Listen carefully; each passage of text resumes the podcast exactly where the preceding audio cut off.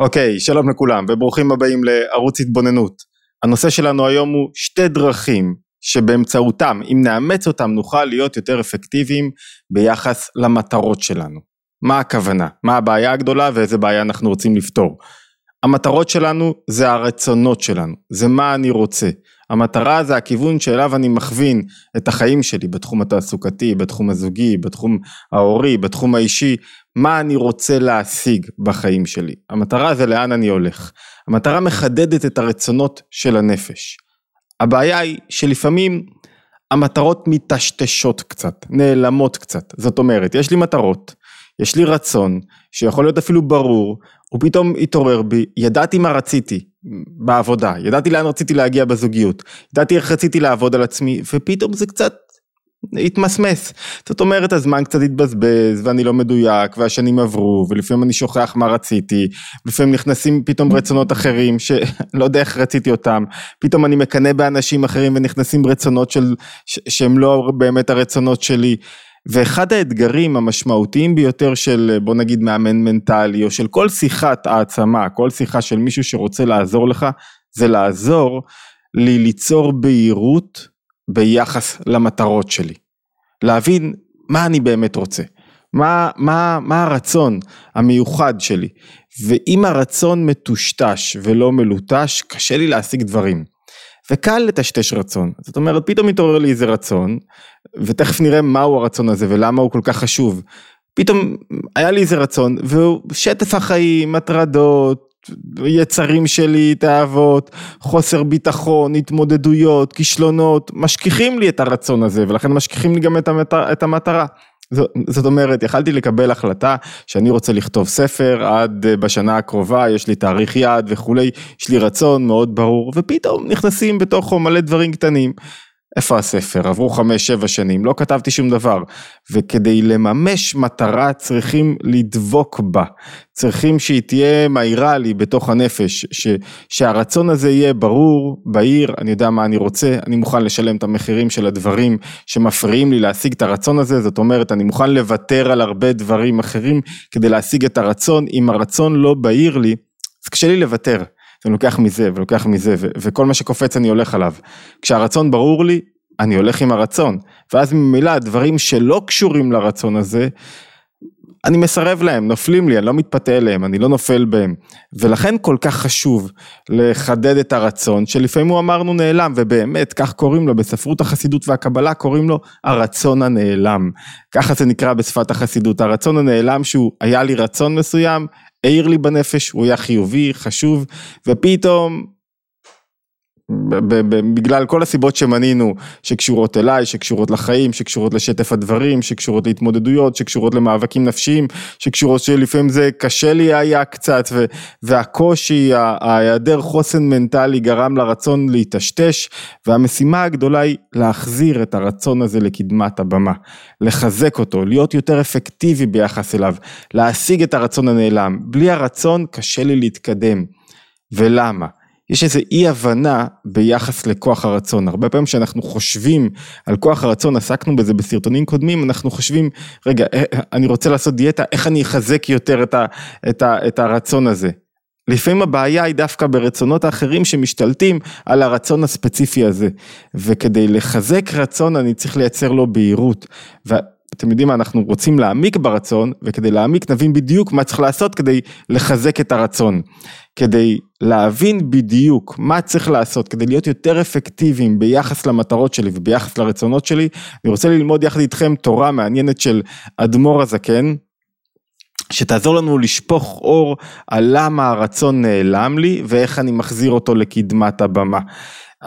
התורה הזאת הוא מביא אותה אמ, במי שמתעניין, אני אזכיר עכשיו, שהמקורות עולים לאתר התבוננות, הרבה פעמים זה מקורות שהם לא נמצאים ברשת וצריך להקליד אותם, אז, אמ, אז אם אני מספיק להקליד אותם, הפעם הקלדתי אותם והם יעלו לרשת, מתוך מאמרי אדמו"ר הזקן אה, על הנביאים, על כאן באופן ספציפי המאמר הזה הוא על אה, ירמיה, על הבן יקיר לי אפרים, אנחנו נלך בדיוק לנקודה שמעניינת אותנו, יש הרבה רעיונות שאפשר להוציא מהמאמר הזה, מי שירצה לקרוא את כל המאמר יצטרך לחפש את זה בתוך הספר.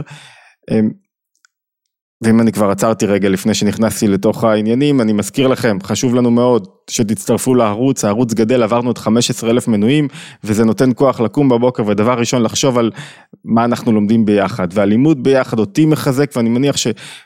בטח מהתגובות שלכם, שמי שמצטרף ללימוד לאורך זמן, הדברים יוצרים שינוי, והעבודה הפנימית יש לה את השכר הגבוה ביותר. אז החלק השותפות שלכם זה subscribe לערוץ, ואפשר כמובן, מי שרוצה לקבל את העדכונים בקבוצות הוואטסאפ יכול להצטרף לקבוצות ולקבל גם עדכונים לגבי פעילויות אחרות והרצאות מחוץ אה, ליוטיוב, אוקיי, ליוטיוב, לספוטיפיי, איפה שאתם נמצאים, בקיצור תעקבו. זה, זה מחזק אותנו, זה מניע גם את הסרטונים קדימה ואז עוד אנשים מוצאים בהם עניין. בואו ניכנס, אני רוצה שנלמד ביחד את הטקסט של אדמו"ר הזקן ומתוכו נבין איך אני מחזק את הדרך שלי להיות יותר אפקטיבי ביחס למטרות שלי. הוא אומר ככה, רצון האדם איננו מציאות בפני עצמו, מהנפש. הרצון הוא לא כוח, הוא מסביר, כמו שכל או רגשות.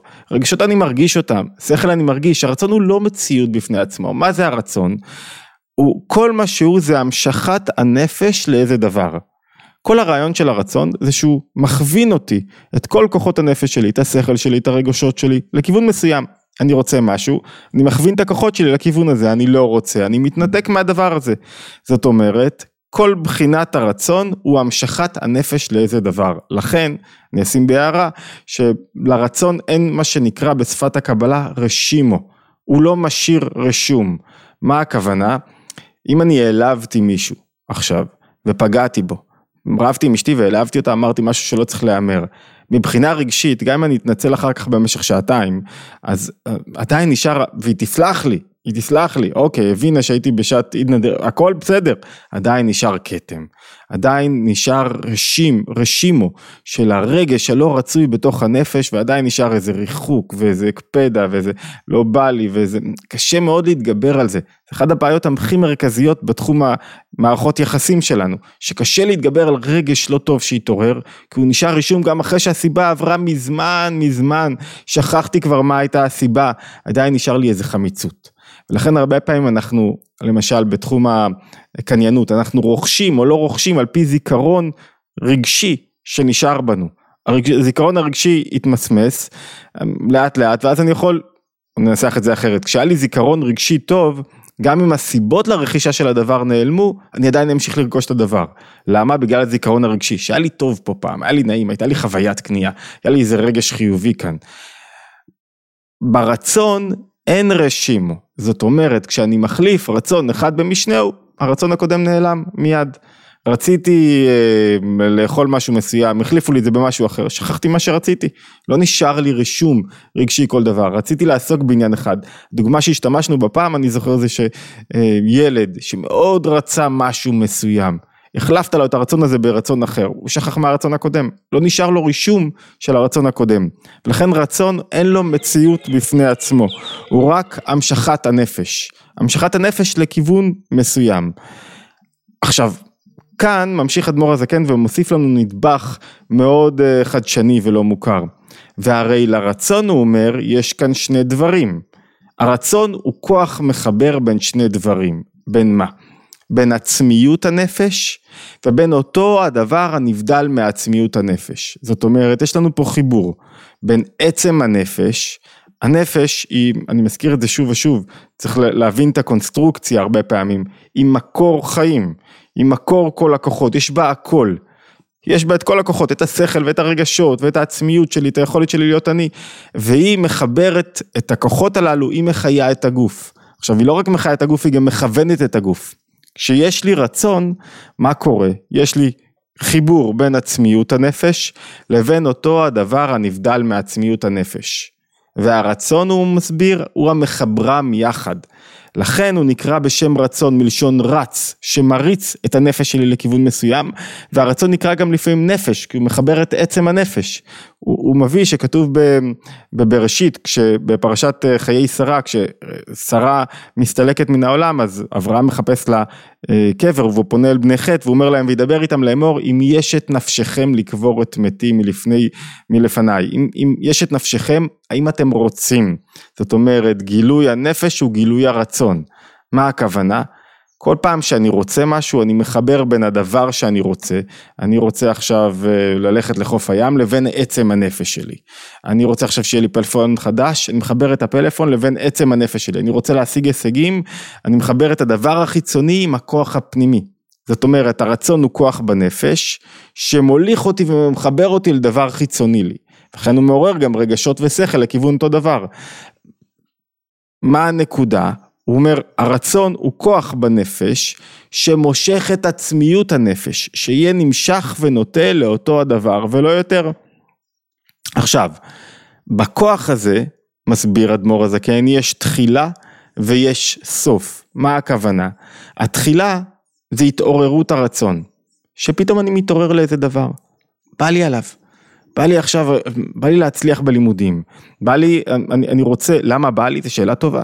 לפעמים בא לי בגלל תענוג מסוים, לפעמים בא לי בגלל מגוון של דברים, דברים שראיתי, ראיתי איזה נקודה מסוימת שמישהו נראה באופן מסוים, זה רצון כאילו, אני רואה מה, מה, מה, איך הוא מצליח בחיים שלו ואני רוצה להצליח כמוהו ולכן אני הולך על המסלול הזה, יש מגוון זאת אומרת, כשמישהו כותב ספר טוב על כלכלה, מעורר אנשים, פתאום, את הרצון בהם ללמוד כלכלה. כשמישהו מצליח עם מכוניות חשמליות או עם הנדסה, הוא מעורר אנשים לרצות יותר הנדסה, אם האדם קרוב לתחום הזה. זאת אומרת, יש את תחילת הרצון ויש את סוף הרצון. תחילת הרצון זה החיבור, התעוררות מעצם הנפש, נכון? זה הנקודה. וזה עדיין, הרצון נמצא בעצמיות הנפש. וסוף הרצון, אמרנו כך, כשרוצה הדבר, הרי הוא בא הרצון לאותו דבר, והוא בחינת סוף הרצון. זאת אומרת, שבסופו של דבר, אני רוצה את הדבר עצמו. אני רוצה, אני רוצה ללמוד את הדבר הזה מסוים הזה, ש, ש, שאותו, אמ, שהוא יוביל אותי להצלחה או כל דבר אחר. זאת אומרת, יש את הרצון שמתעורר בעצם הנפש, ויש את החיבור לדבר. אם אני רוצה לאכול משהו, יש את הרצון שהתעורר בי, למה ראיתי תוכנית טלוויזיה, למה יש בי זיכרון התענוג של הדבר שאכלתי, ובסופו של דבר, סוף התהליך זה שאני רוצה את הדבר עצמו. זאת אומרת, החיבור לדבר עצמו, זה סוף הרצון, עד שהשגתי את הדבר. רציתי, אכלתי בסופו של דבר, אה, היה לי טעים, התעורר הביטוי האולטימטיבי של הרצון, התענוג מהרצון. נדבר על תענוג בהרחבה, דיברנו המון בעבר, אבל יש עוד להמשיך להבין את התענוג בהמשך. הוא כוח מאוד חשוב שהולך יד ביד עם הרצון. אי אפשר לנתק בין רצון לבין תענוג, אבל אני משאיר את זה כדי לא לערבב את הנקודה המשמעותית שלנו, החשובה שלנו של הסרטון הזה, איך להיות יותר אפקטיביים ביחס לרצון. זה כמו, הוא מסביר, כשרוצה דבר, זה כמו על דרך משל, עמוד שבבית, שראשו מחובר בגג, וסופו נעוץ בקרקע הבית, ועל ידי זה מחבר הגג עם הקרקע. וכמו כן הוא ברצון. שתחילת הרצון הוא בעצמיות הנפש, וסופו הוא באותו הדבר ועל ידי זה מחברם. אוקיי, מתי מתחילה הבעיה? כל זה ברצון הגלוי. יש גם רצון נעלם כמו שאמרנו. הרצון הנעלם זה שרציתי משהו מסוים, והוא נשתכח ממני. הוא נשאר לי בעצם הנפש, אבל הוא לא מחבר אותי לדבר. וכשזוכר על אותו הדבר, רוצה אותו שוב. זאת אומרת, פעם רציתי להיות אה, גלשן גולש גלים. ובגלל הדברים והריחוק מהים, ולא גלשתי גלים, ו- ו- ואני לא מגשים את הרצון שלי. ואז כשבאתי שוב לגלוש גלים, נזכרתי ברצון הזה. ולכל אחד יש רצונות שנשכחו לו בדרך. אבל איך הוא יודע שזה היה רצון אמיתי שעדיין מצוי בעצם הנפש? כי אף על פי ששכח עליו, מכל מקום היה בהיעלם בעצמיות הנפש. הרצון נשאר לו התחילה שלו, הסוף נהדר, התחילה נשארה. ולכן כשנזכר על אותו דבר, רוצה אותו מחמת שבאמת ישנו הרצון, אלא שהוא בהלם, ונכלל בעצמיות הנפש. והנפש היא למעלה במדרגה מהרצון. מה אנחנו אומרים? אנחנו אומרים שהרצון הוא הכוח אחד החשובים בנפש כי הוא מקשר אותי לדבר החיצוני לי. ולכן הוא כוח מאוד חשוב שהוא כאילו ממשיך את עצם הנפש מהמקור שלי, הוא מונע ממני מלהיות בתוך עצמי. אבל הרצון אין לו מציאות בפני עצמו, הוא לא כמו הרגשות, הוא לא כמו השכל שנשארים בתוכי, התובנות נשארות בתוכי, אלא הוא מתנדף אם אני לא שומר את הקשר בין שני דברים, את הקשר הזה של ה-Waze בין שני דברים של הנווט, בין עצם הנפש לבין הדבר אותו אני רוצה. ואם אני לא שומר את הקשר הזה בין תחילה לבין סוף, בין חיצוניות לפנימיות, החיצוניות זה הדבר אותו אני רוצה, והפנימיות זה עצם הנפש. אם לא נשאר הקשר, או אם אני מתבלבל ואני רוצה רק את הדבר החיצוני ושוכח את הקשר לעצם הנפש, הרצון מטשטש ונעלם.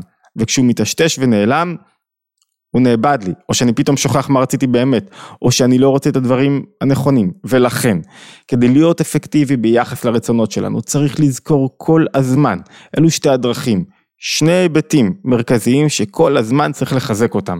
אחד, זה התחילה של הרצון, ושתיים, זה החיצוניות, הסוף של הרצון, ולקשור ביניהם.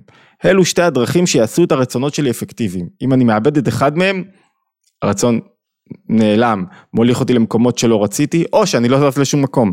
בואו נתחיל רגע מהרצון החיצוני, או מהסוף של הרצון, מהחיבור לדבר שאותו אני רוצה. זאת אומרת, החיבור שאותו דבר שאותו אני רוצה, זה בעצם, רציתי להחליף טלפון. אז, אז עכשיו אני כדי להיות קשור לדבר החיצוני, אני צריך ללמוד על אודות הטלפון שאני רוצה, ולראות יותר סרטונים, ולעיין בו. זו חוויית הקנייה שלנו של דברים מסוימים. שאנחנו רוצים לקנות משהו, הרצון בהתחלה מעורר את השכל, מה התועלות בדבר שאני קונה, ולאחר מכן יש התעוררות רגשית כלפי הדברים הללו, ואני מחובר לדבר, ואז אני מתחיל לרצות אותו באמת, במובן, מחכה לו, מחכה לטלפון החדש שישלחו, ו- ושואל את עצמי איך אני אהיה איתו, ו- ויוצר התקשרות לדבר, ומפעיל עוד כוחות, את כוח הדעת וכוח השכל וכוח הרגשות. זה הרצון החיצוני, החיבור לדבר אותו אני רוצה.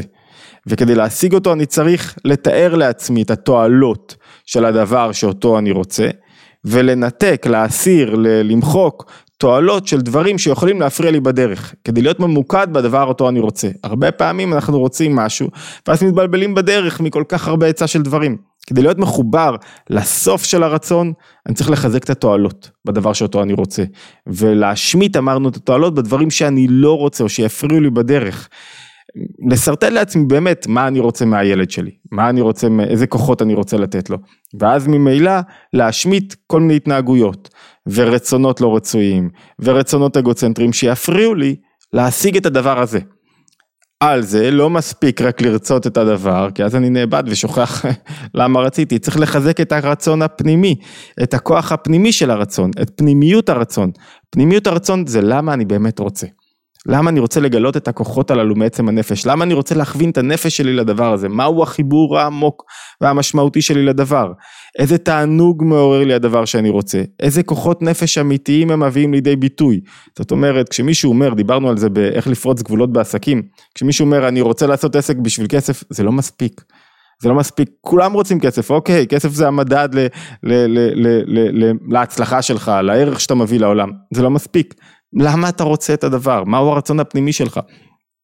מאיפה הוא מתעורר?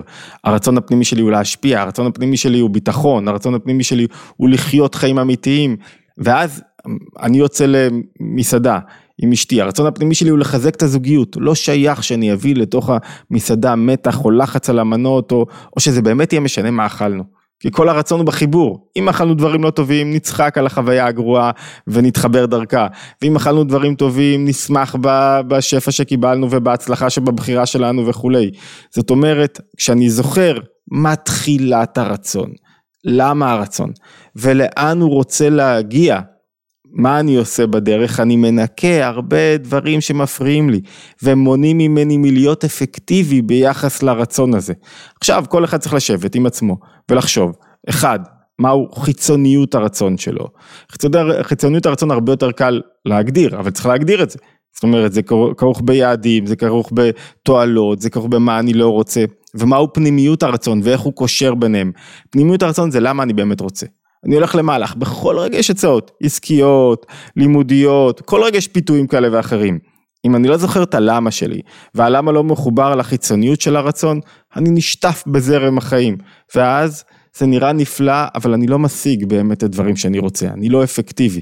וצריך לעצור, להוציא דף ועט, באמת, זה תרגיל של כל אחד לבוקר, ולהגדיר את שני הדברים הללו, חיצוניות הרצון, פנימיות הרצון, תחילת הרצון וסוף הרצון, ואיך הם מתקשרים יחד. ואז ככל שאני עושה את העבודה הזאת בכל יום, יוצר לי בהירות בשני ההיבטים הללו, של החיצוניות והפנימיות של התחילה והסוף, הרצון הוא יותר גורם שמושך את עצם הנפש, מחבר אותה לדבר החיצוני. ואז הנפש שלי נמשכת למקומות הנכונים, וממילא לא נמשכת למקומות הלא נכונים, של לא נותנת מקום לחרדות שלי, לפחדים שלי, זורקת אותם לים, של כל מיני דברים לא רצויים שעשויים להפריע בדרך ולמנוע את הקשר הזה בין תחילת הרצון לסוף הרצון. אני אולי אגיד רק במילת אגב, שאדמו"ר הזה כן מסביר את זה כשהוא רוצה להסביר הבן יכיר לי אפרים, הוא רוצה להסביר למה הבורא שזה אחת התובנות שעוזרות לאדם המאמין לחזק את מידת הביטחון, למה הוא רוצה את האדם ואת המעשים שלו ואת הפעילות שלו. כי בסופו של דבר גם אם הרצון נעלם, הוא מחזק אותו על ידי התקשרות בין הכוח הפנימי לכוח החיצוני. אוקיי, התבוננות יומית, אה, הזכרתי לכם כבר להירשם לערוץ ולהצטרף לקבוצות הוואטסאפ, להשתמע בהתבוננות היומית הבאה.